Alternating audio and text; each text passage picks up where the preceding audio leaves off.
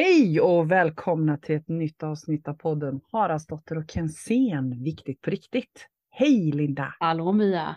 Alltså det är bara sån sunshine hos dig just nu. Ja, det är verkligen- sommar. ja, ja, precis. Du sa att du hade varit ute nu och Mm. fått fräkna. Det Ja. syns inte, men Men det är bra. Eller jag Mm. vill ha fräknar, jag tycker det är Mm. härligt. Mm. Så jag får väl gå ut lite igen sen då. Ja, men, eller Nej men jag satt ute och käkade lunch gjorde jag. Eh, passade på. Så det var Mm. jättevarmt här längs väggkanten. Mm. Det var skönt. Härligt, Mm. härligt, härligt. Du, idag är det sådär igen så vi har en gäst. Yes. Åh, fantastiskt. Marie Nilsson, varmt välkommen att vara med i vår podd. Tusen, tusen tack för att jag får vara med. Ah, hur har du det hos dig? Det ser ut att vara soligt hos dig också. Det är jättevarmt och helt underbart. Mm. Eh, äntligen lite sommar igen. Ja.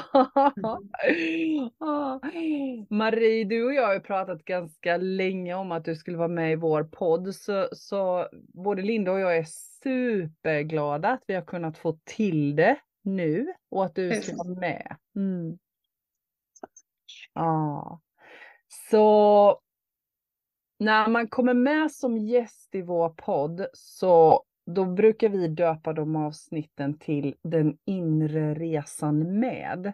Mhm. Och ofta så är det ju så att de gästerna som kommer till oss har en story av en inre resa. Och de flesta gångerna så, så är det ju en resa som man gör, en utvecklingsresa som man gör och det ena liksom läggs till vartannat i lite så här lagom takt. Men för din del så blev det pang bom och allt på en gång och det är lite därför du Mm. är här. För din story är ju verkligen, du har ju verkligen bytt sätt att leva.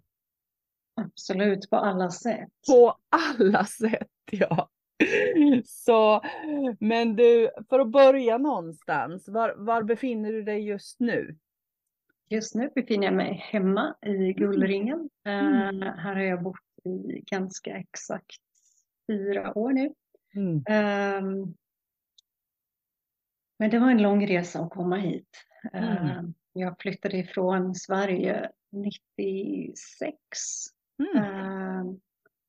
Mm. Ehm, 98 flyttade jag till Belgien eh, och har bott, bodde där i ganska exakt 20 år. Mm. Eh, och det var där jag bodde när min olycka hände. Mm.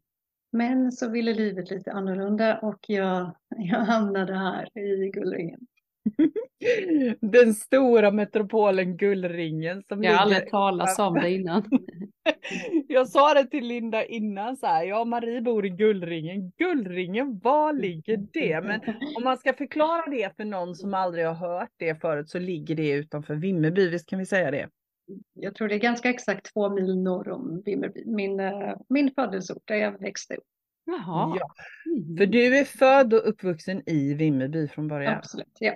Ja. Flydde därifrån när jag var 16. eh, och eh, ja, så kom jag ironiskt nog tillbaka ganska så Mm. nära min födelseort. Just det. Just det. Just Mm. det. Mm. Som jag aldrig hade planerat att göra. Men eh, som sagt, livet ville lite annorlunda. Mm. Det känns bra att bo kvar. Eh, både och. Eh, nu känns det bra. Det, Mm. det var en jättesvår tid i början. Eh, jag hade aldrig planerat att flytta tillbaka till Sverige. Mm. Eh, och i början var det väldigt, väldigt ensamt att bo här. Men nu har jag jättefina människor omkring mig, eh, jättefina vänner. Eh, så nu känns det, känns det bra. Mm. Även om jag saknar livet som var. Mm.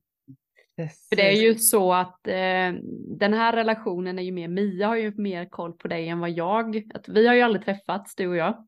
Jag har sett dig på sociala medier har jag gjort för att Mia har nog rekommenderat dig. Så då gick jag och kikade in på din Facebook och Instagram. Och så fick jag lite koll på din resa, eh, lite hum egentligen. Så att jag ju, får ju förmånen att inte veta något alls egentligen. Spännande. Ja, det är, det är alltid väldigt spännande tycker jag. Mm. Så vad börjar vi då? Mia, led. led oss. Men, nej men jag tänker så här, för mig när jag liksom, jag hade förmånen att träffa dig första gången så, så var ju du hos mig och då tänker jag så här att det som, det som jag tänker är så himla fint, förutom att du har en sån himla fin personlighet och jag tycker så mycket om dig, är ju att den resan du har gjort, för du har ju verkligen, du har ju verkligen bytt sätt att leva. Eh, och, och liksom förhållningssätt till livet. Att, att hitta Hitta en ny väg när livet ruskar om på det sättet som det gjorde för dig, tänker jag att det kan bli så himla stor inspiration för andra som är, på, är där, där, där man känner sig omruskad av livet. För jag tänker att mm det gör vi ju på olika sätt. Alltså jag tänker att man kan inte, du kommer komma till det sen vet jag, du ramlar ner från en bergstopp så man, man ska liksom inte överleva ett sånt fall. Det finns inte på världskartan att överleva ett fall på, från en bergstopp på 450 meter. Det, det går bara inte.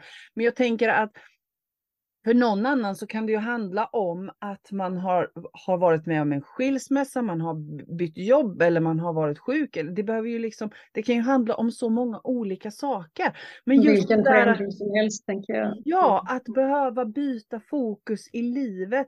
Det känns mm. så himla fint att ha med dig i podden. För du för mig förmedlar så mycket hopp att det går verkligen att hitta ett meningsfullt liv, även om livet byter fokus fullständigt. Så det tänker jag att jag jättegärna vill höra mer om. Hur gör man? Och jag tänker att du, du får lägga upp storyn precis som du vill, men vi är ju lite nyfikna på att veta hur levde du från början innan olyckan. Vad jag är nyfiken på, för det tror jag aldrig du och jag har pratat om. Vad var mm. det som fick dig att flytta utomlands? Varför valde du att inte vara kvar i Sverige? Oj, först skulle jag bara vilja säga att eh, jag är samma själ, så jag, det känns som jag har kommit som jag har plockat ner min själ och kommit närmare mig själv efter mm. olyckan. Jag har skalat bort alla lager, alla filter. Eh, så jag kanske mer av mig själv nu än vad jag var innan, för jag vågar vara mig själv fullt ut. Men jag är samma, jag är samma person, jag älskar fortfarande samma saker, ehm, även om jag måste leva på ett helt annat sätt. Ehm, det tycker jag är viktigt. Mm. Vad var, vad var det som fick mig att flytta utomlands? Oj. Mm. Jag hade haft den här rösten i mitt huvud ända sedan jag var barn, i alla fall yngre, ja, tonåring, att jag ville flytta ifrån min födelseort. Mm. Det var min starkaste tanke, jag behövde komma därifrån. Eh, då förstod jag inte riktigt varför, det är någonting som jag förstått först nu, att jag behövde komma bort för att, för att skapa mig själv. Eh, jag kommer från en familj med eh, många självmord, med eh, alkoholism eh, och då förstod jag inte riktigt hur det påverkade mig. Utan det är först nu som jag kan sätta ord på det, men jag hade bara den där instinktiva känslan att jag måste komma bort. Och jag har alltid haft den här upptäcka glädjen, reslusten, jag älskar språk och jag ville ut och utforska världen. Uh, först sökte jag ett jobb i Sverige och började jobba ganska tidigt. Uh, jag bodde i Eskilstuna några år innan jag flyttade till Ungern där jag jobbade i nästan ett år. Och sen sökte jag en annan tjänst i Schweiz och där bodde jag ett halvår tror jag.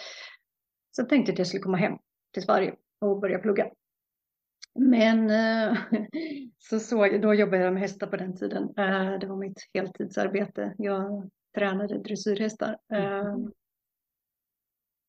och så sökte, såg jag en jobbannons i Belgien och sökte tjänsten och fick den. Och det slutade med att jag stannade kvar i Belgien i ja, 20 år tills min olycka hände. Mm. Um, så ja, jag jobbade med hästar i många år innan jag, innan jag sållade om och började jobba med människor. uh, så jag började jobba som, jag började min utbildning till personlig tränare 2004 tror jag. Eh, så jag jobbade med människor sedan dess. Fokuserade redan från början på rehabilitering. Ironiskt nog. Mm. För att göra en lång historia kort. Mm. Mm. Okej. Men du, visst var det så, visst var det så att du Mm. jobbade som din egen eller var du anställd då? Du Först var jag anställd, eh, Ja. sen 2010 blev jag helt egen. Mm. Eh, så jag kollaborerade med två olika gym. Eh, Mm. eller hade en egen studio ett tag. Eh, Mm. men 2010 blev jag helt egen. Mm. Bästa jag gjort. Mm. Mm. Mm. Men för det är det jag tänker. Jag menar innan olyckan så var du en driven eh, entreprenör. Eh, ja. Ja. ja. ja. Jag jobbade mycket, alltid jobbat mycket. Ja. ja. Att Jag alltid älskar, jag har alltid jobbat med det jag älskat. Eh, som jag sa innan, först jobbade jag med hästar. Det har varit min största, en av mina största passioner i livet. Mm. Och sen började jag jobba med människor. Jag utbildade mig också till life coach eh, lite senare. Eh, vilket jag är väldigt tacksam för nu Mm. idag. Mm. Precis. Ja. Och då kan man ju säga att din drivkraft har varit att hjälpa andra. Först Ja. hästarna och så människor. Ja. Mm. Det har alltid varit min drivkraft. Eh, människor, djur, natur. Mm. Det är där mitt hjärta klappar Mm. Fortfarande. Mm. Precis. Och, och det jag har förstått på det du och jag pratat tidigare också att, att du var mycket i rörelse. Du gillade att röra på dig. Du var, var ute och vandrade men, men rörelse i all, alla former. Rörelse i alla former har alltid varit jätteviktigt. Eh, återigen någonting som jag inte förstod när jag var yngre, men det har alltid varit en drivkraft för mig också. Eh, Mm. eh, hästarna, dressyr var min främsta aktivitet under många, många år. Eh, Mm. Och sen, ja, sen sadlade jag om. På riktigt. ja, det kan man ju verkligen säga. Ja. Men du, du, var ju, du var ju ute och, på vandringar. Så jag tänker om vi ska närma oss den här dagen som du faktiskt vandrade. Då var du i Polen och vandrade, eller hur? Då var jag i Polen och vandrade. Jag eh, vet inte ihåg när jag började med långa vandringar. Eh, kanske var någonstans där 2010 när jag hade ganska stora förändringar i mitt liv då. Eh, jag gjorde många aktiva val. Eh, så jag, har, jag älskar långa vandringar. Och bo i Belgien var så enkelt. Man kunde bara sätta sig i bilen och åka över gränsen till, till Tyskland eller till Holland eller ta tåget över till England och man kunde vandra Mm. i vackra Mm. omgivningar. Eh, eh, 2014 så var jag en av mina bästa vänner och eh, besteg eh, Kilimanjaro. Eh, jag har vandrat mycket i Tyskland. eh, och, eh, 2017 så hade jag bokat den här resan till Polen. eh, för jag hade bestämt att jag, jag kände att jag behövde vara ledig lite längre. eh, jag behövde stanna upp lite. Mm. Och det fick jag ju verkligen göra, men på ett helt annat sätt. Mm. Eh, jag reste till Polen i början av juni. Och eh, skulle vara där en vecka. Mm. Det blev dock lite längre. Eh, Min plan var att vandra några dagar solo. Och sedan åka och hälsa på en vän som jag inte hade träffat på länge i Krakow. Men min vistelse i Polen blev lite längre. Mm. Jag eh, kom till Tatrabergen och ehm, checkade in på min eh, övernattning där i eh, en lodge. Och så vandrade jag ensam dagen efter och så hade jag tänkt att ja, men om vädret tillåter och ifall jag hittar någon att vandra med så skulle jag gärna vilja bestiga det högsta berget där i Tatrabergen, eh, högsta berget i Polen. Jag tror det ligger på 2503 meter. Ehm, och jag eh, hittade ett sällskap eh, som gärna också skulle vilja bestiga det här berget. Så vi planerade det här tillsammans eh, kvällen innan. Väderleken såg bra ut. Vi kollade upp det på väderstationerna. Eh, vi började tidigt morgonen dagen efter. Eh, en jättevacker morgon. Eh, fantastiska vyer. Eh, och när vi var ungefär, har jag fått berättat för mig efteråt, när vi var ungefär 500 meter från toppen så uh, halkade jag uh, och ramlar. Men jag minns ingenting av olyckan. Mm. Och ramlade ungefär 450 meter ner för det här berget. Uh, måste ha slagits medvetslös väldigt tidigt. Uh, och mitt nästa minne är fem veckor senare på intensiven i Krakow. Mm. Mm. Va, vad, är det, vad är det sista som du har minne av från den dagen du ger dig upp på berget? Uh, mitt sista minne är väldigt, väldigt tydligt. Um, tack för frågan. Uh, jag, uh,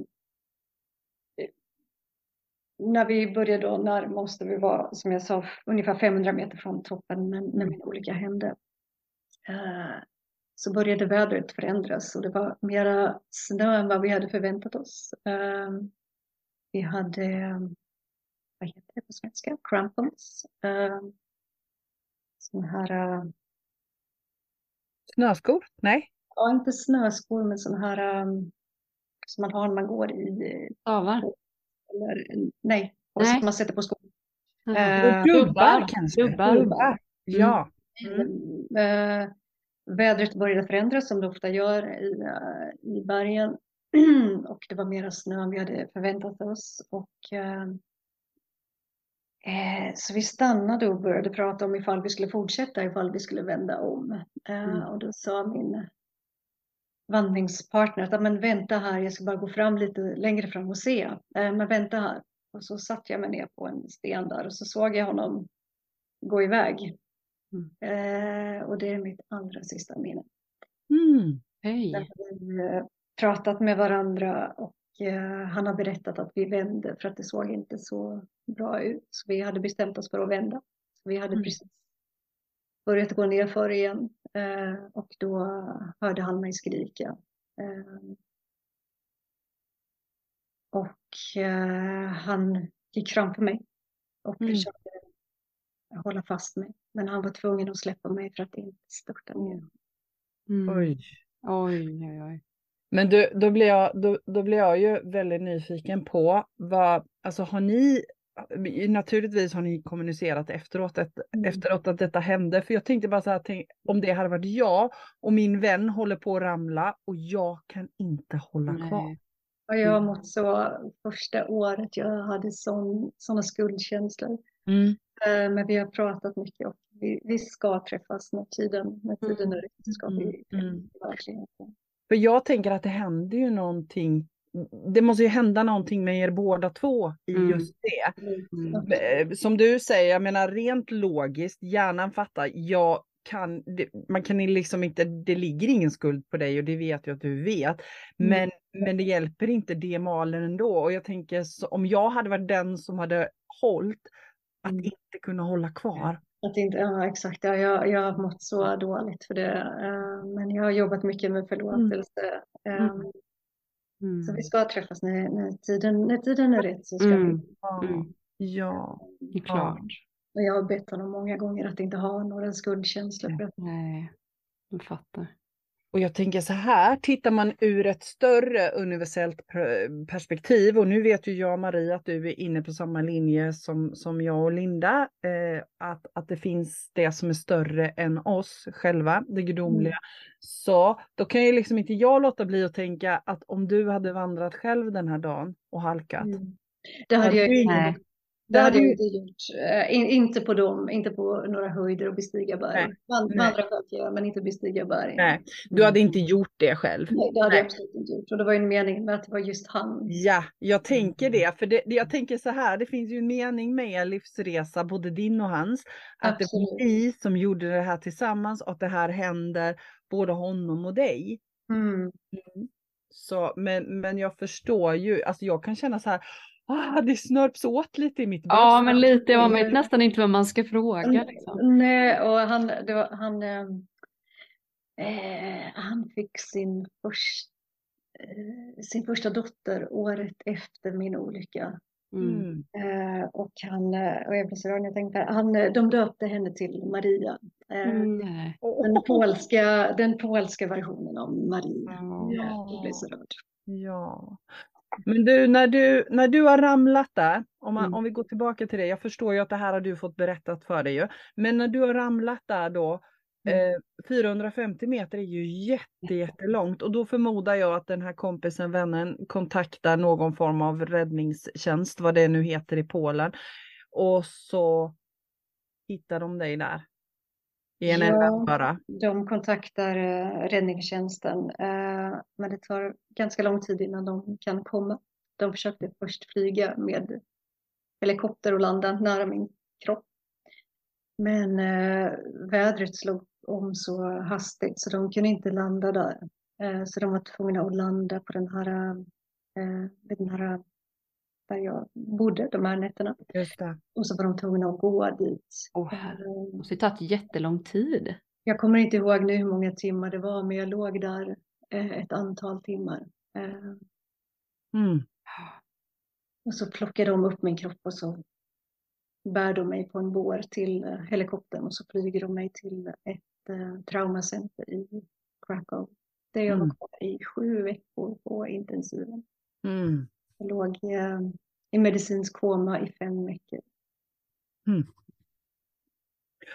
Och visst var det så Marie att man trodde egentligen inte att du skulle överleva för med alla de skadorna som din kropp hade fått så, så är det väldigt små chanser att överleva, eller hur?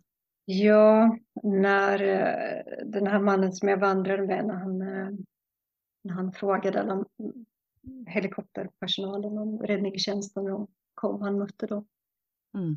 När de kom fram med min kropp, som det Mm. då var det enda jag var, tror jag. Mm. Eh, Så frågade han dem ifall eh, jag skulle överleva och då hade de sagt att nej, inte med de här skadorna. Nej. Eh, Och så försökte han eh, kontakta flera sjukhus i Polen, men eh, de har så strikt eh, sekretess där så de får inte utge ge ut några uppgifter. Så han visste inte om jag levde eller var död. Och innan jag mindes hans namn och kunde kontakta honom, det tog, ja, jag tror det tog nästan ett halvår. Eh, Så då trodde han inte att jag levde. Mm. Okej. När min familj kontaktades så, ehm, så sa de på sjukhuset att eh, ja, hon lever just nu, men då, då levde jag från timme till timme väldigt länge. Mm. Mm. Oj, vilken, vilken, alltså jag tänker så här, man bara bortser från, från det som hände dig, så Mm. tänker jag den här vännen, liksom traumat att inte hålla kvar, traumat att, att faktiskt inte veta att du är vid liv. Jag, jag kommer fortfarande ihåg, jag, när jag väl hade kommit ihåg hans namn så hittade jag honom på Facebook. Eh, Så jag skrev ett meddelande till honom på en gång och jag, han, hans svar kom väldigt, väldigt snabbt. Han bara, Marie, är det säkert att det är du? Det är inget, det är inget spöke. Nej, precis. Nej, precis. Ja. Ja, vad Ja. Oj, oj, oj. Du har inga minnen därifrån alls sen att du vakade upp. Alltså det finns ingenting, det är helt svart. Från komatiden. Ja, precis. Jag har inga mentala minnen från Mm. min tid i koma, men jag minns eh, känslan. Ja, du gör det. Du kan känna känslan av att du, att liksom själen var där, för du sa innan att din kropp, du kände det direkt att du var inte i din kropp då, när allt detta hände. Jag kan, jag kan minnas kä- känslan från de där fem, fem veckorna i koma. Och Mm. det var som att ligga i en kokong av kärlek. Wow. Mm. Ehm, och jag minns också min tvekan, kanske till och med motvilja att komma tillbaka. Mm. Mm. Eh, för den känslan av kärlek var något av det vackraste jag upplevt. Mm. Wow. Men sen fick jag ju komma tillbaka till så mycket kärlek med vänner och familj som fanns där när jag vaknade upp. Mm.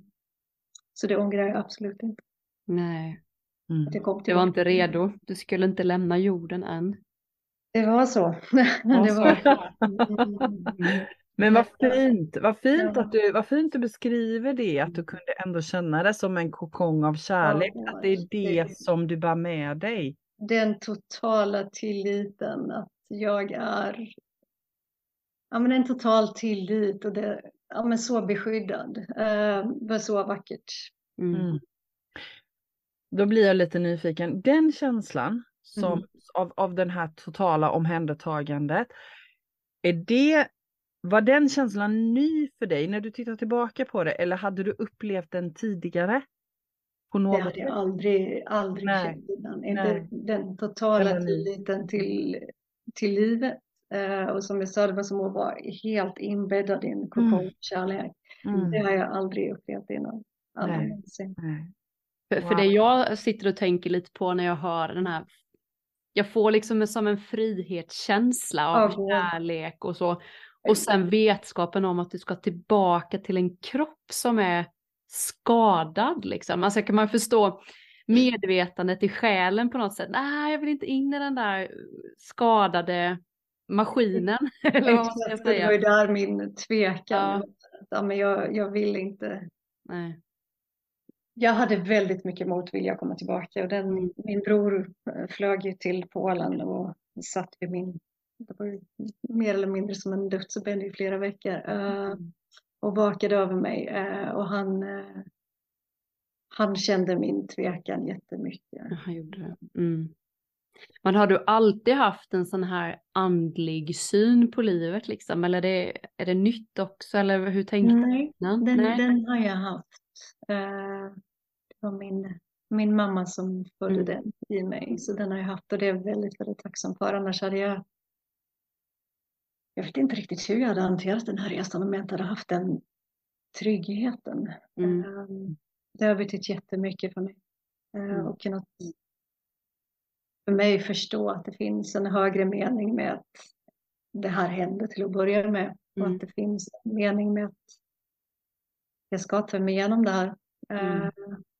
Och kunna förhoppningsvis hjälpa andra med min resa. Mm.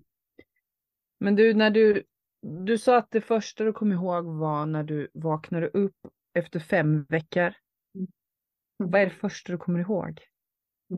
Oj, eh, det första jag kommer ihåg, eh, Polen är ett väldigt eh, katolskt land och jag kommer ihåg att det hängde en um, ett, eh, krucifix över dörren till mitt rum med Mm, på korset. Och jag kommer ihåg den, för då, det var ju sån förvirring. Jag, alltså jag pendlade mellan vaka och, vakenhet och sömn på ett väldigt märkligt sätt. Ehm, men då minns jag att jag tänkte att, men, okej, är jag levande eller död? Eller, eller är jag i väntrummet till det. döden? Mm. Ehm, och sen försvann jag Mm, igen. mm, Men det, mm. det är mitt allra första minne. Mm. Alltså, det lå- man bara märker liksom det här medvetandet som man ändå... Alltså Mm. det är ju medvetande. Alltså vi tre förstår ju samma känsla av att man är medveten att kroppen är en kropp och själ och själ. Men att du ändå är så medvetande i allting som sker låter det som. Alltså inte allt när det blir så. Men till, till och från. var Jag, jag, hade, jag hade många märkliga tankar också. Ja, men jag, jag tänker ett medvetande av att vilja komma Ja. tillbaka, vill jag Ja. inte, vad är jag, hur känns det? Alltså det känns ju ändå som att du, ja men alltså att det är så mycket större än vad vi tror liksom, att du verkligen fått känna på det, att du Ja, har alltid ett val på något sätt. Vi har alltid, vi har alltid ett val. Mm. Och sen kommer jag också ihåg alltså, såklart kärleken från min familj och mina vänner. Mm. Och förvåningen över alla som var där. För jag fick det inte riktigt att gå ihop. Min Mm. familj och vänner som bodde i Belgien och vänner från England och alla, alla var där. Men de, jag förstod inte riktigt varför de var där. Mm. Mm. Mm. Mm. Utan den kärleken hade jag aldrig kommit tillbaka tror jag inte. Nej. Tänker du då också, alltså det som slår mig nu när vi pratar om det så tänker jag så här energimässigt. Naturligtvis så hade, önskade de av hela sina hjärtan att du skulle läkas och att du skulle komma tillbaka och så tänker jag så här wow, det tillsammans med, med din själ som redan förmodligen hade eh, visste att du skulle komma tillbaka. Det blir så här för mig healing. Så, Ja men verkligen, verkligen och någonting mer som har slagit mig. För jag, jag har ju bott utomlands i många år, jag har rest väldigt mycket. Så jag har vänner i, i flera hörn av världen. Eh, Mm. och jag har fått så många vackra vykort och hälsningar från många, många land. Eh, och jag tror att det har hjälpt väldigt mycket att jag fick så fina hälsningar från så, Mm. olika, så många olika platser. eh, Mm. Som har kallat mig tillbaka. Just det, just det. Men du, när gick det upp för dig? För jag tänker så här, du vaknar till, du liksom pendlar fram och tillbaka. När gick det upp för dig hur illa skadad du faktiskt var? Oj, det tog lång tid. Ja, jag tänker det. Ja. Hur, hur, hur, jag tänker att du ska få beskriva det du kommer ihåg från hur mycket skador du faktiskt hade. Du har ju skickat den listan till mig och man säger den är inte kort. Nej. Den är ganska lång. Men jag tänker, hur tar man överhuvudtaget som människa som vi faktiskt är, hur tar man in det? Oj, tack för frågan. Eh, Jag låg ju på intensiven i Polen i, i sju veckor. Eh, Mm. Och ehm, eh, jag kommer ihåg flera läkare och min familj frågade mig om jag ville flyga, flygas tillbaka till hem, eh, som Mm. var Belgien, eh, eller om jag ville komma till Sverige. Jag tyckte frågan var så himla konstig. Jag förstod inte. Eh, Men så beslutades det i alla fall att jag skulle flygas med eh, ambulansflyg till Sverige för att vara närmare min familj. För läkarna i Polen hade sagt att jag hade större chans att överleva om familjen var, var nära. Mm. Ehm, Så jag flögs till, eh, till Sverige. Ehm, Och det där, eh, hur jag fick reda på mina skador, det hände på ett så väldigt klantigt sätt. Ehm, Så jag, var, jag hade flugit till Sverige. Eh, Jag låg på stroke rehab i Sverige i ytterligare två månader. Och någon av de där första dagarna där så hade jag varit på något läkarbesök eller någon typ av rehabilitering, jag kommer inte ihåg. Och så rullades jag tillbaka in till mitt rum och fick hjälp att flyttas över till sängen. Och så såg jag att det låg ett papper på, mitt, på bordet bredvid sängen. Och jag tog upp det och så började jag läsa. Och där, där, där var mina skador sammanfattade. Mhm. Mm. Och det var väldigt obehagligt att få det berättat på det sättet jag önskar att någon hade berättat det för mig. Mm. Eh, Så jag låg där och läste. Jag läste om, jag hade väldigt, väldigt svårt att läsa någonting då. Och jag, jag tänkte så här, men gud, nej, det, det, här, det här är en missuppfattning. Det här, det här är inte sant. Jag har inte haft någon hjärnblödning. Eller två. Eh, Det, det, här, det här är inte sant. Eh, Så, så tänkte jag då. Mm. Det tog lång tid innan jag förstod vad som verkligen hade hänt och effekterna av allt som har hänt. Mm. Det tog väldigt lång tid. För det är det jag tänker, att, att någonstans där så kan jag tänka mig att kroppens själ, ja, kroppens försvarssystem går in. Det blir för Mm. jobbigt att ta in allting. Ja, Så det, det är någon annan de pratar om. ja. Först Ja. trodde jag att det var ett misstag. Eh, Ja. Sen började det landa mer och mer under de där två månaderna där och jag började förstå vidden av skadorna och hur, hur svårt det skulle bli att komma tillbaka. Eh, Mm. Tack och lov förstod jag inte det där och då. Nej. Jag tänker det. Men du, om du skulle beskriva för de som lyssnar nu, vad, vad, hur, hur illa var det? Oj. Ehm, jag ramlade ju 450 meter ner ungefär Mm. på ett, från ett berg. Mm. Det var inga träd. Eh, jag slog mig ganska illa. Mm. Eh, jag har krossat mitt skallben. Eh, en extern hjärnblödning och en, jag fick en intern hjärnblödning en vecka efter min olycka. Mm. Det blev så mycket tryck. Mm.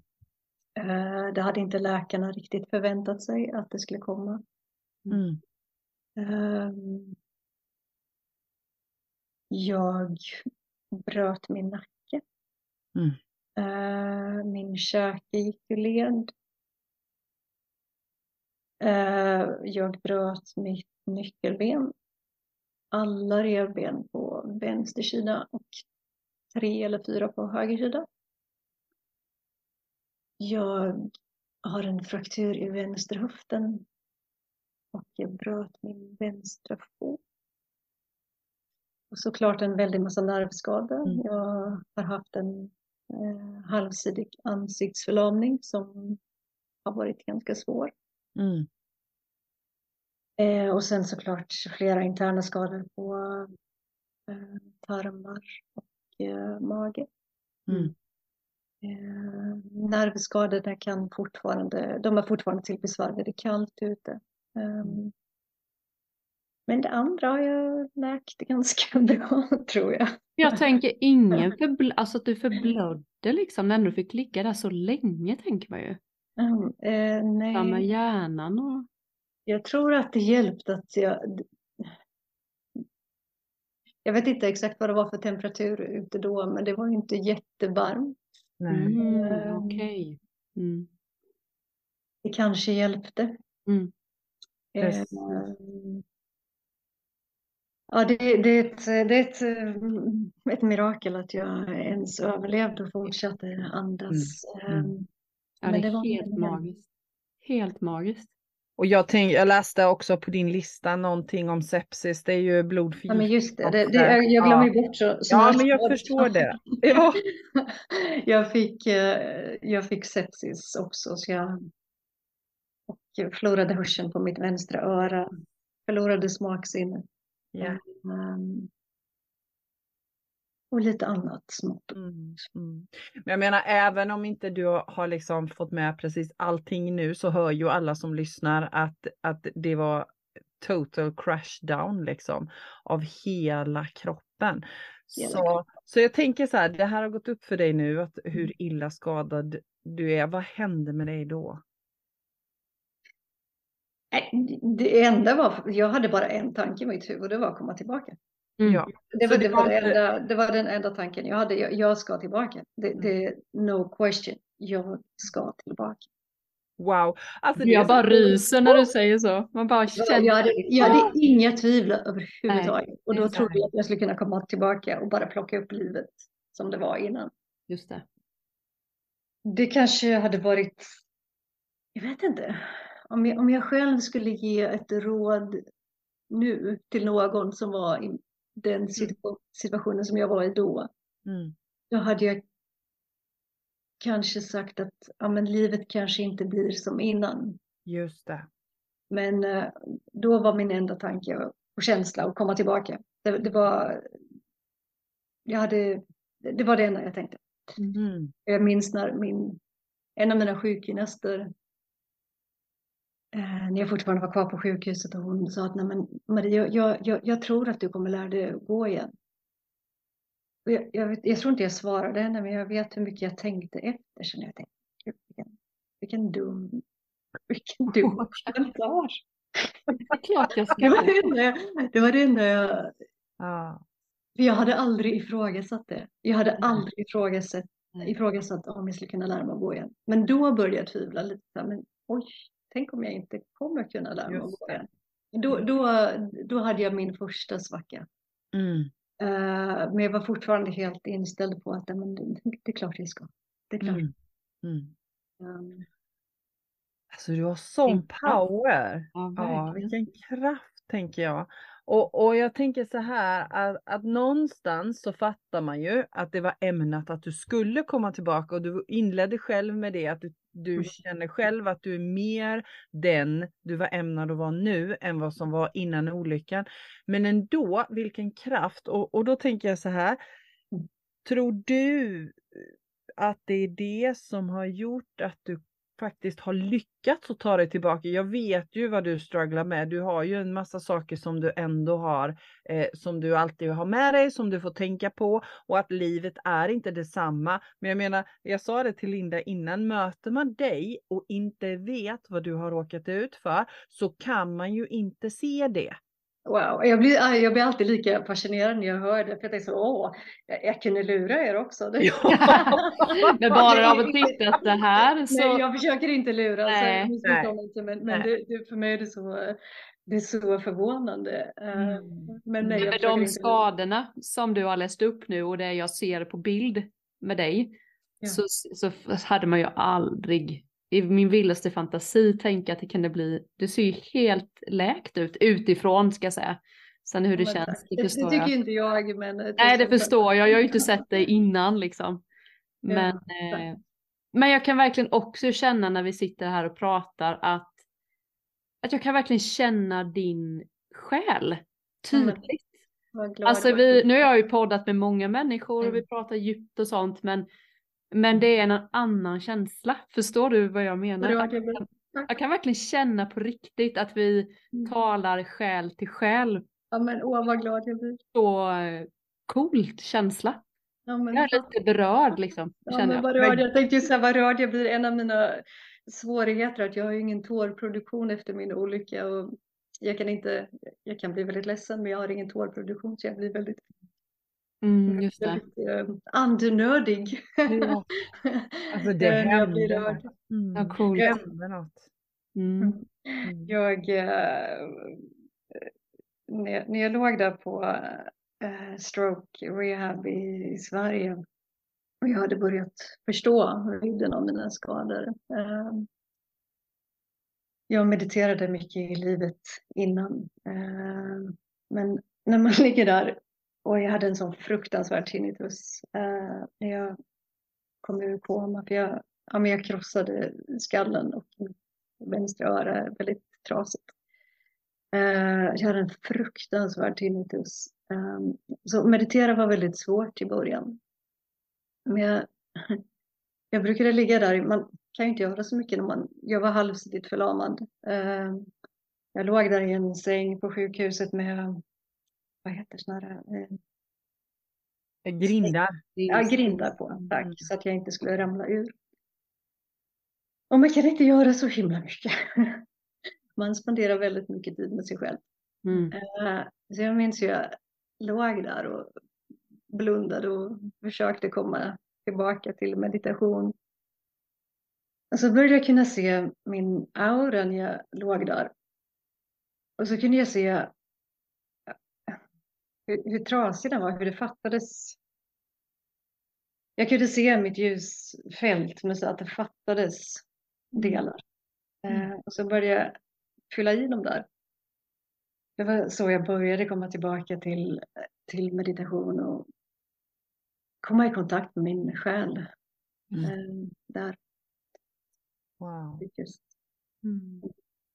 Wow, jag kan bara hålla med Linda. Alltså det är verkligen så. Jag kan bli så rörd och berörd över, eh, över själsmötet som sker mm. nu. Det är mm. verkligen ett själsmöte. Jag känner det också. Jag mm. kände hur det liksom, oh, jag börjar bli så viktig när du pratar om det Linda. Mm. Eh, och det är så vackert och jag kan förstå också på flera plan varför du är tillbaka eh, som den som du ämnade att vara. För som vi inledde att säga så är jag helt säker på att det finns så många som kommer att ha hjälp utav din resa eh, som du gör och har gjort Marie.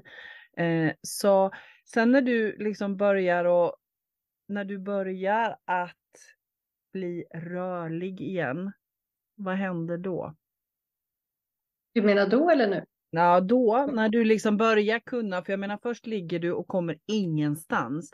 Och så kämpar och kämpar och jobbar och jobbar, för jag menar det förstår ju vem som helst att det hände inte av sig självt, utan det var hårt arbete, eller hur? Det var väldigt hårt arbete. När jag vaknade upp, alltså det är en väldigt främmande... Jag hade precis fyllt 40. Mm.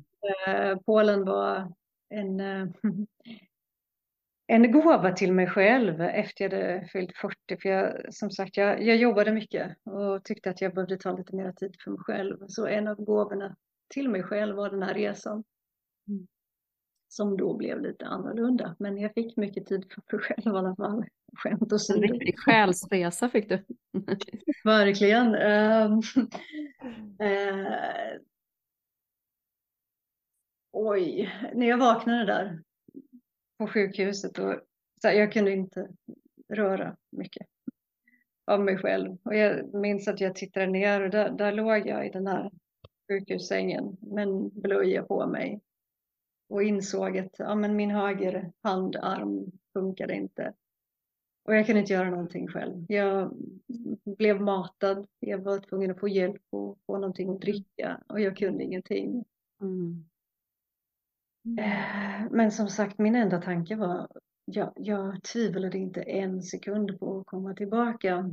Men det har varit en, det har varit en lång resa. Mm. Jag är glad att jag inte visste då att det skulle ta, jag tog mina första steg själv utan, utan gåstol, utan krycka sex månader senare.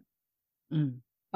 Det tog ytterligare, det tog totalt nio månader innan jag kunde öppna dörren och gå runt kvarteret, runt min mammas hus. Mm. Och gå själv första gången efter nio månader. Mm. Wow. Men, Men alltså, det låter ju ändå som att du har en väl, alltså du fick så mycket stöttning från den här kärleksbubblan oh, som du har. Jo, alla. För det är ju det är här. och vänner. Ja, jag hade aldrig klarat mig Nej. utan kärleken runt omkring mig. Det hade, jag, det hade jag aldrig gjort. Jag hade inte velat. Uh... Jag tycker det är så spännande när du säger att det fanns inte ett tvivel. Det är klart det fanns tvivler i stunder tänker jag som det. Mm, men att den där inre tvivlet hade du liksom inte. Men det är så... sen, sen har det kommit såklart, såklart. kapitel när jag har tvivlat. Såklart. Men grundtvivlet hade du inte, vad ska man säga, det djupa det fanns Nej, det med dig låter det som. Mm. Allt är möjligt som Gunde säger.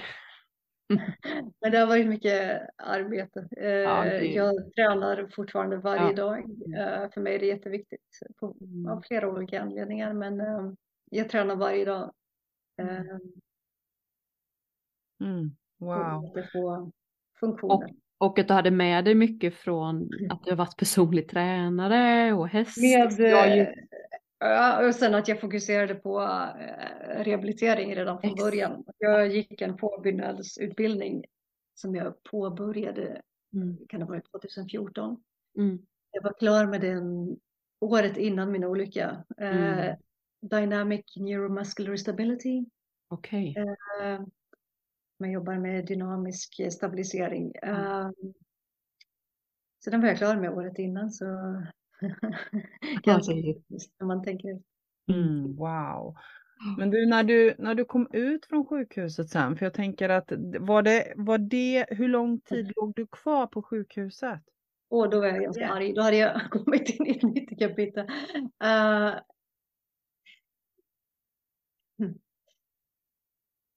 det fanns inte plats för mig på det sjukhuset. De behövde mitt rum och jag minns fortfarande den, den neurologen jag hade som var huvudneurologen då kom in på mitt rum och sa att jag, jag måste skriva ut dig för att jag behöver ditt rum. Mm. Då kunde jag inte gå på toaletten själv eller jag kunde inte komma ut ur sängen själv. Uh, jag hade stora svårigheter att tugga och svälja uh, och dricka. Jag kunde i princip ingenting själv. Men de behövde skriva ut mig för att hon hade inte plats. Mm.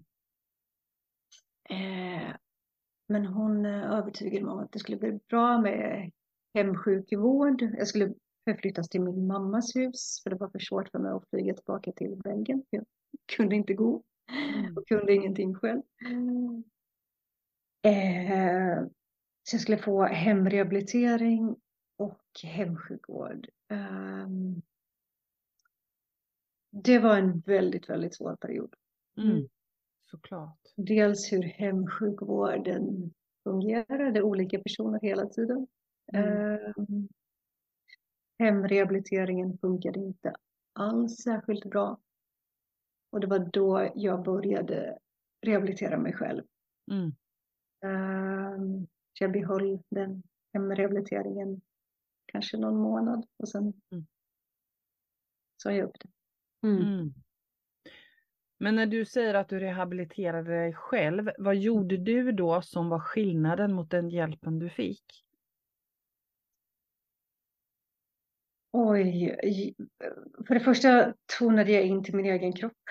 Frågade Mm. vad jag behövde. Yes. Eh, och sen har jag använt mycket av de principerna inom DNS som det heter. Mm. Eh, det handlar väldigt mycket om att återställa eller återskapa diafragmaandning, ledcentrering. Mm. Och sen har jag jobbat väldigt, väldigt mycket med min bindväv eh, som jag har lärt mig i andra utbildningar genom, genom Mm. åren. Mm. Där jag har jobbat igenom, alltså, jobbat igenom de trauman som jag fick i, eh, genom min olycka. Mm. Du är ju helt fantastisk. Ja. Jag var nog ingen lätt patient kan jag ju säga. Nej, du hade för mycket kunskap själv. Men jag är så tacksam att jag har kunnat göra den här resan. Ja, Och sen har jag fått en fantastisk hjälp av eh, både före detta kollegor och lärare. Min lärare i DNS eh, som bor i Prag, hon flög över till Sverige för att hjälpa mig. Åh, gud vad Och en annan kollega som har flugit över från, eh, från eh, Skottland eh, och en annan eh, före detta kollega som bor i Stockholm som har hjälpt mig jättemycket. Mm. Eh, utan dem hade jag, Mm. hade jag inte klarat mig. Bolla tanken med Wow. dem. Och, Wow. men det, det, har varit en, det har varit en så intressant resa. Mm. Det är så himla, det är så himla härligt. Jag blir så, jag blir också så berörd utav din beslutsamhet och vetskap. Det är ju det du och jag tjatar om i podden Linda, att ha tillit till er själva. Marie, du är ju verkligen ett sånt levande, levande exempel på att vi har kunskapen om oss själva och vad vi behöver om vi bara har tillit till och lita på det. Absolut. Wow. Absolut. Och det är så... Mm, tack. Tack för förståelsen. Men det, det är så häftigt där. Okej, nu hade jag alltså både kunskap och erfarenhet inom rehabilitering, vilket verkligen har hjälpt mig. Men, men det här att ha full, för jag har ett full tillit till livet, eh, helt och fullt. Mm. Men också det här att ja, men lugna ner sig och tona in. Så varje gång jag tränar, varje dag, så lyssnar jag in min kropp. Mm. Vad behöver jag idag? Mm. Eh, Det är så jag gör min dagliga träning. Eh, Mm. Wow. Här i Sverige behöver jag ju lyssna väldigt mycket på vädret, men, men Ja, just det. Idag är en bra dag då. absolut. Men, men annars så tonar jag in i min kropp och frågar vad jag, vad jag behöver göra. Vad, vad behöver min kropp idag? Mm. Eh, Så börjar jag varje träningspass. Mm. Men jag jobbar väldigt mycket med bindväv och eh, stabilitet. Mm. Det är så spännande. Vi lagrar så mycket minnen, så mycket känslor i bindväven. Mm. Eh, Det är så spännande. Wow. Vi har ju det, vi har tio gånger mera både nervreceptorer och känsloreceptorer i bindväven än i musklerna.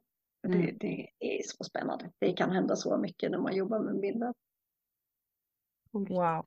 Ja, du vet. Jag, jag brinner för att komma tillbaka. Jag, jag, jag, jag vill så gärna börja arbeta lite igen.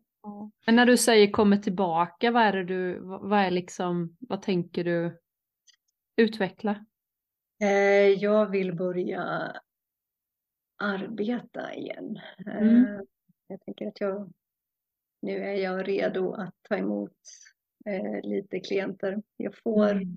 jag får arbeta lagligt sett för jag arbetar fem timmar i veckan med min sjukpenning.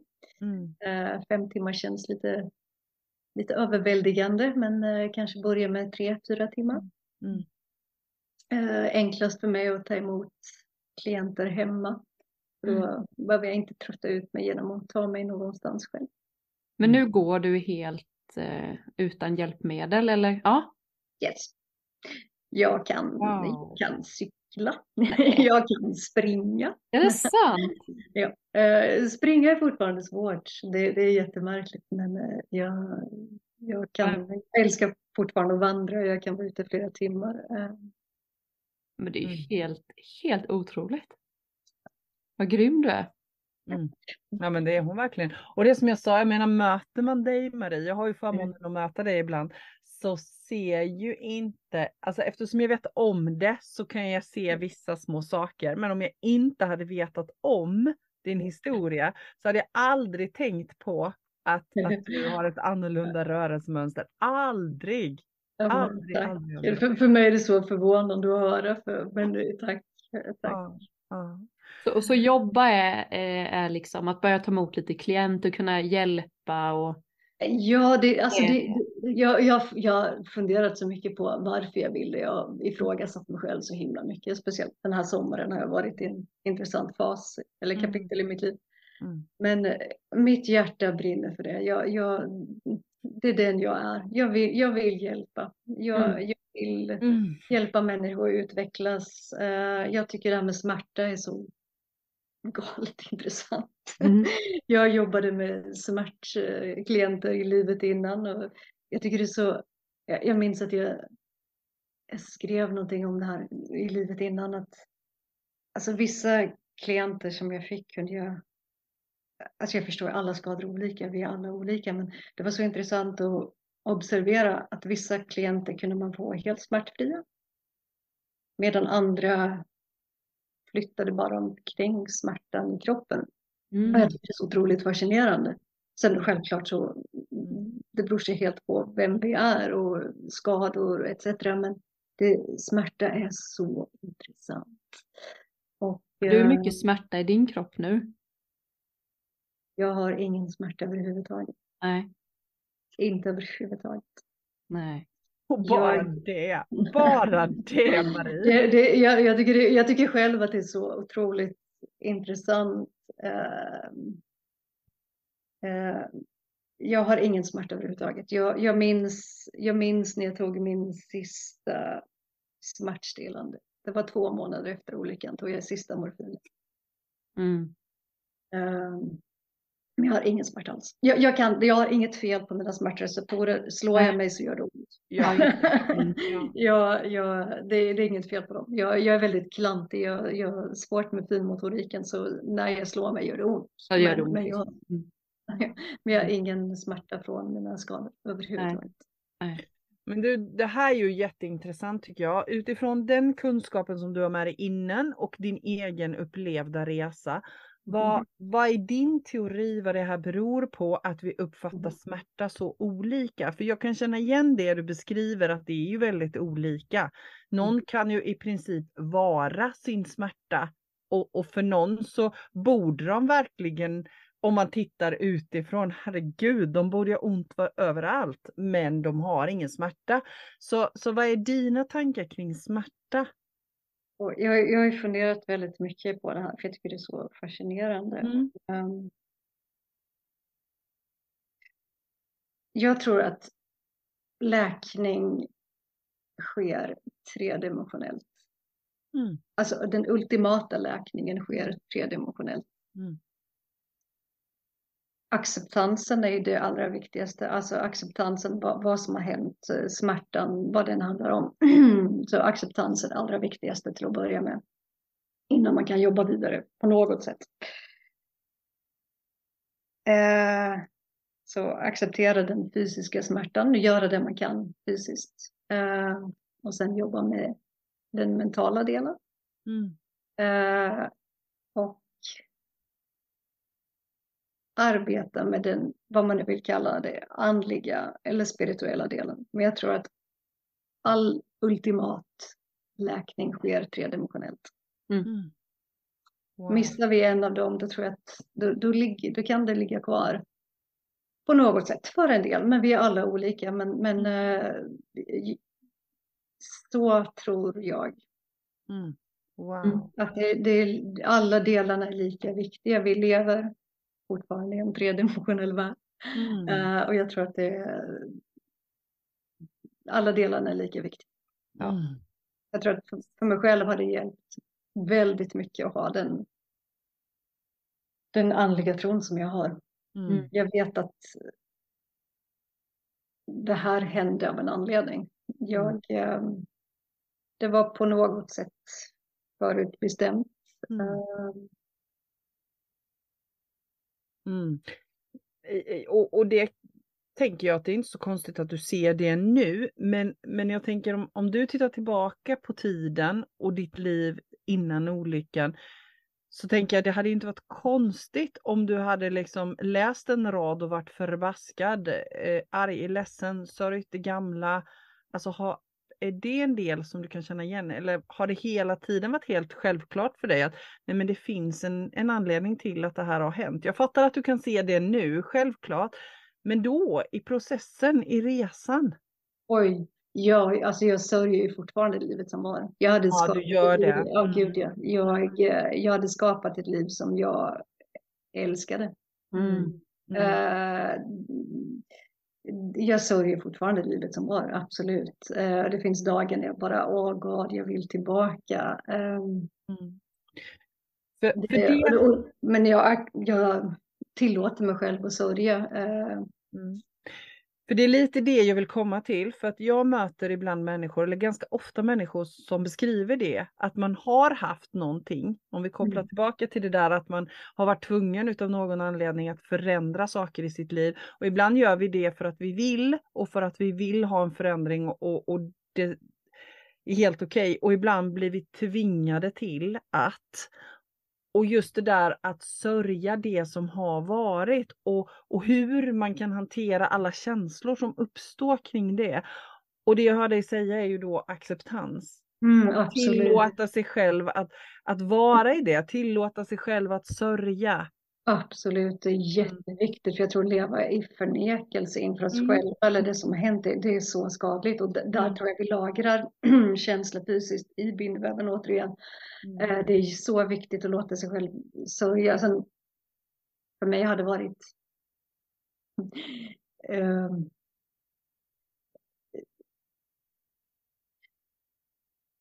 Jag har som sagt ingen tårproduktion så det har varit besvärligare att sörja utan tårar. Så jag har försökt, jag har hittat andra vägar att sörja. Jag saknar den här känslan av varma tårar som bara strömmar. Mm. Så för mig har, ehm, jag älskar att skriva, har alltid gjort. Eh, så skriva ner mina tankar, mina känslor, min sorg har hjälpt mig jättemycket. Mm.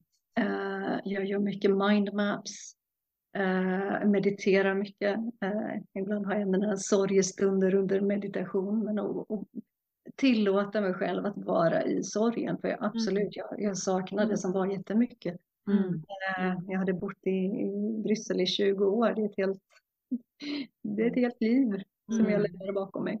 Mm. Precis. Precis. Mm. Mm. Wow, ja alltså det är som sagt var. Mm, jag tänker att det inte är för mig när jag tittar och lyssnar på dig Marie så tänker jag att det är inte alls konstigt att, att du faktiskt överlevde det här otroliga fallet. För det finns så många som kommer ha så stor glädje och nytta av och redan har av att få lära känna dig och din historia. Verkligen. Tusen tackar. Mm. Detsamma. Jag, jag, jag, jag är redo nu.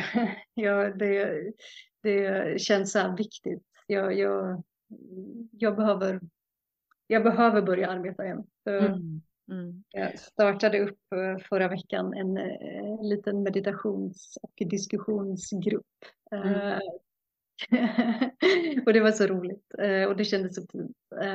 Men jag längtar efter att få göra mer. För jag, jag vill jobba mer fysiskt också för jag tycker Mm. det är så himla roligt. Mm.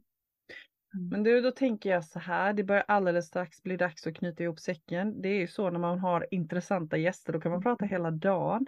Men du, om det är någon nu som, som vill komma i kontakt med dig, Mhm. är det okej att de kontaktar dig? då? Absolut, verkligen jättegärna. Det lättaste Ja. sättet att hitta mig är på eh, Facebook eller Instagram. Mm. Marie Nilsson, eh, Instagram, Marie on Life Quality. Mm. För jag tänker så här att då lägger vi till det i beskrivningen på podden. vi lägger ut den så, så kan folk hitta dig om det är någon som sitter nu och känner bara gud vad jag behöver få prata med den här människan. Ja, men jättegärna. Jag har tänkt så att jag vill, eh, jag vill jobba fysiskt igen, eh, men jag är ju life coach också och jag, jag brinner för det här med samtal och kommunikation så jag vill göra både och. Men jag får, jag får hålla mig själv i kragen att inte göra för mycket så. Max fyra timmar i veckan finns Ja. jag tillgänglig. Ja, Precis. Men jag vill både göra life coaching och jobba fysiskt. Men det går ju hand i hand så Mm, eh, klart. man kan lika gärna blanda ihop båda. Mm. Precis, precis. Ja, det var jättefint att få höra din historia, tycker jag. Tack.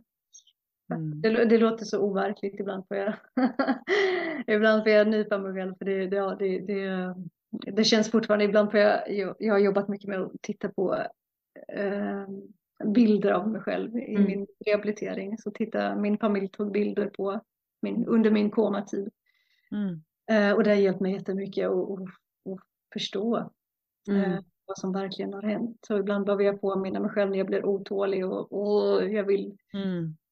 Komma tillbaka till det som var så får jag ibland titta på de där bilderna för att lugna ner mig lite grann eh, Mm. och inte ha för bråttom. Mm. Jag börjar känna mig lite så här som en kapplöpningshäst i startboxen. Att, ja, men nu, nu, nu, Nu, nu, nu, nu är jag redo. Nu är jag redo. Wow. Men du, finns det, finns det någonting mer som du känner att men det här vill jag gärna säga innan vi stänger av mickarna? Det här vill jag skicka med eller det här vill jag gärna få sagt? Ehm.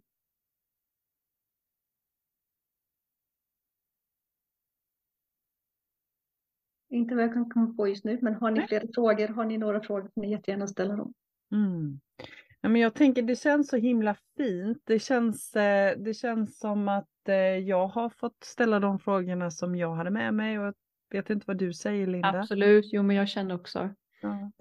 Och det är ju så här till er Det kommer säkert, det känns ju som att man skulle kunna prata en timme till. Mm. Men vi får ta, vi får ta det om ett, ett tag tänker jag.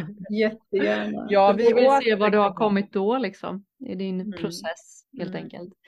Men att höra dig så kan man ju inte, man kan ju inte mer än reflektera till sitt egna liv på något sätt också och man känner liksom att ah, det där lilla problemet som man tycker är gigantiskt känns ju inte så här superstort nu.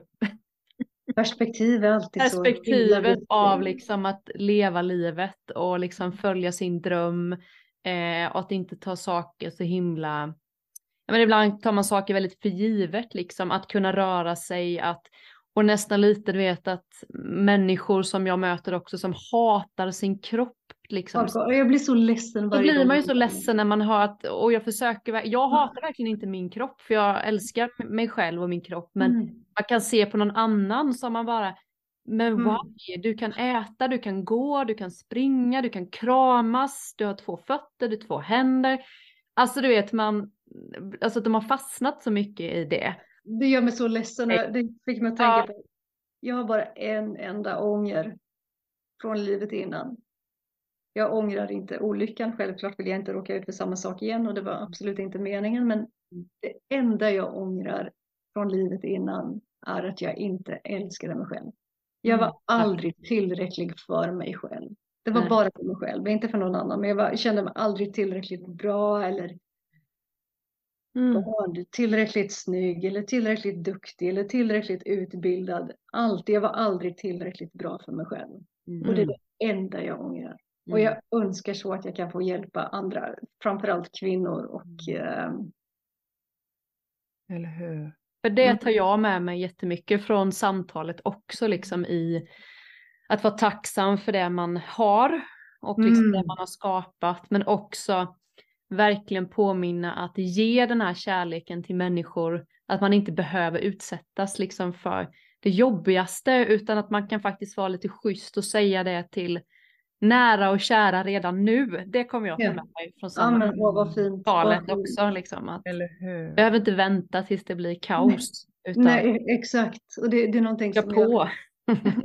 som jag har börjat göra nu. Det är så här, men jag, jag tackar min kropp efter varje träning jag har gjort. Eh, och hur bra vi, vi, jag har läkt. eh, Mm. Det gör jag varje dag. Eh, och jag önskar att jag hade älskat mig själv innan. Mm. Men där har du nog nyckeln i liksom varför folk kommer komma till dig sen, tänker jag. Självkärlek, holistisk självkärlek Mm. får jag som en intuition, bild. Ja, liksom få en bild så att det handlar ju både om kropp, tanke, känsla. Och det har ju du med dig nu, tänker jag. Tack. Mm, wow. Mm. Hörni, tusen tack för ett fantastiskt vackert samtal. Från Mm. själ till Till själ. själ. till själ. Tusen tack till er. Vad, vad fint det har varit. Eh, Ja. jättefint. Wow. Och som sagt var Linda, jag tänker som du, vi kommer att återkomma längre fram. Det känns som att det finns många mer saker att prata om tillsammans med dig. Marie, så eh, ja, det gör vi gärna framöver. Jag tyckte det där med smärta Jag en- spännande. Du? Jag tycker det här med smärta känns väldigt kul Ja, men att det är så grotta intressant. ner sig Ja. mer med ihop med dig. Jag nördar in mig på smärta. Jag Ja, är det tycker jag med. Jag kan tycka det var kul. Jo, Jag berättar en sak. ja, Ja. Jag ja. kom på just nu om smärta. Mm. Eh, när jag hade flyttat in här så var jag ganska arg och väldigt ledsen. Och det var jättesvårt för jag hade lämnat allt som jag älskar. Jag hade ingenting kvar av mitt förra liv. Eh, så började jag cykla här i närheten för att lära känna områdena. Så alltid när jag cyklade förbi ett visst hus så kände jag så här, men åh vilken fin trädgård och åh jag skulle gärna vilja möta personen som bor här och jag hade alltid den där känslan. Men jag tänkte jag kan ju inte bara hoppa av cykeln och gå och ringa på. Ehm, för det gör man ju inte alltid. Nej, nej. Men sen en dag så var det en eh, person i, i trädgården och de odlade så vackra grönsaker. Eh, Så jag tänkte, ja men jag frågar om jag får köpa lite grönsaker, det är väl en himla bra ursäkt. Eh, Så jag gjorde det. Och mannen som var i trädgården, han blev så himla glad och, och han log och sa, men prata med min, med min partner. Eh, Hon står där borta. Och så gick jag och pratade med henne och det var så här, ja men ibland när man möter människor, man bara, Mm. man bara känner igen varandra och man bara, men åh vad fint, åh vi kramade om varandra och bara hej och, och så började vi prata. Hur som helst så, eh, när vi hade sett ett par gånger så, eh,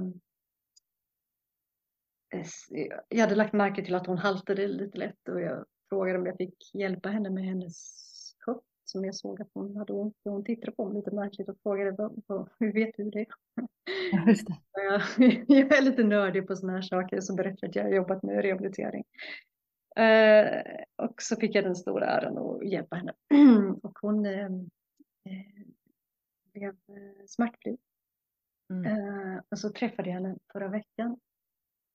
Eh, och så frågade jag hur det kändes i, i höften. Hon bara, ja men, ja, men jättebra, det, det har varit så häftigt. Och så, men jag får tillbaka jag får tillbaka smärtan ibland.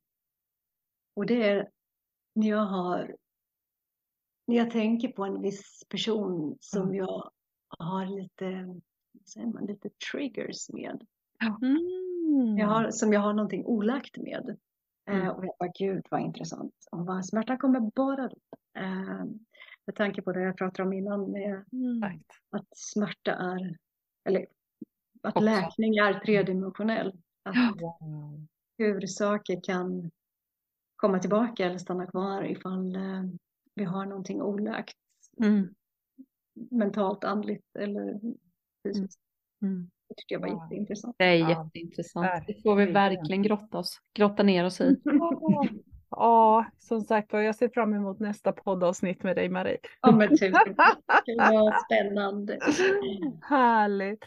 Hörni, tusen tack till er, Linda och Marie. Och tusen tack till alla som lyssnar. Och är det nu någon som vill komma i kontakt med Marie så kommer vi att lägga ut den informationen, kontaktinformation i poddtexten. Tusen tack. Härligt. Ha det Yes. bra. Samma. Hej då! Hej då.